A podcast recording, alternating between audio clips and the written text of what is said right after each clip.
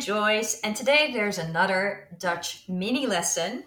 Today we are talking about how we are and how you can introduce yourself. How do we do that? We start obviously by asking, How are you? And contrary to the English, we don't say, How are you? Because if we translate that literally, what would we say, Pauline? Hoe ben jij? Hoe ben jij? Yes. That is not what we say. That kind of like means how are we as a person? So how are you as, I don't know, a mom or how are you as a teacher? So we can't say that. Instead, if we want to say how are you, we have to say hoe gaat het? With that nice G sound in there. Hoe gaat het? Now, if we want to answer in English, we are known to say, I am good. If you translate that literally, Pauline, we would say, Ik ben goed. Ik ben goed. And is that correct? Not really. Not really. we have to actually get into the answer what the question is. So that is a really good way if you're practicing Dutch to listen to the question and use those words in your answer. So the question was, hoe gaat het? And we use that gaat, how is it going really, in our answer as well. So rather than saying ik ben goed, we say het gaat goed. It goes good. It goes well. That is how we say it. So niet ik ben goed, but rather het gaat goed.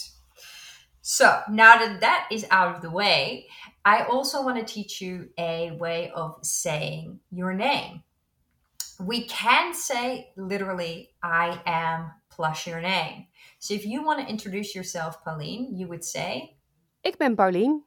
Ik ben Joyce, as you've heard in the intro.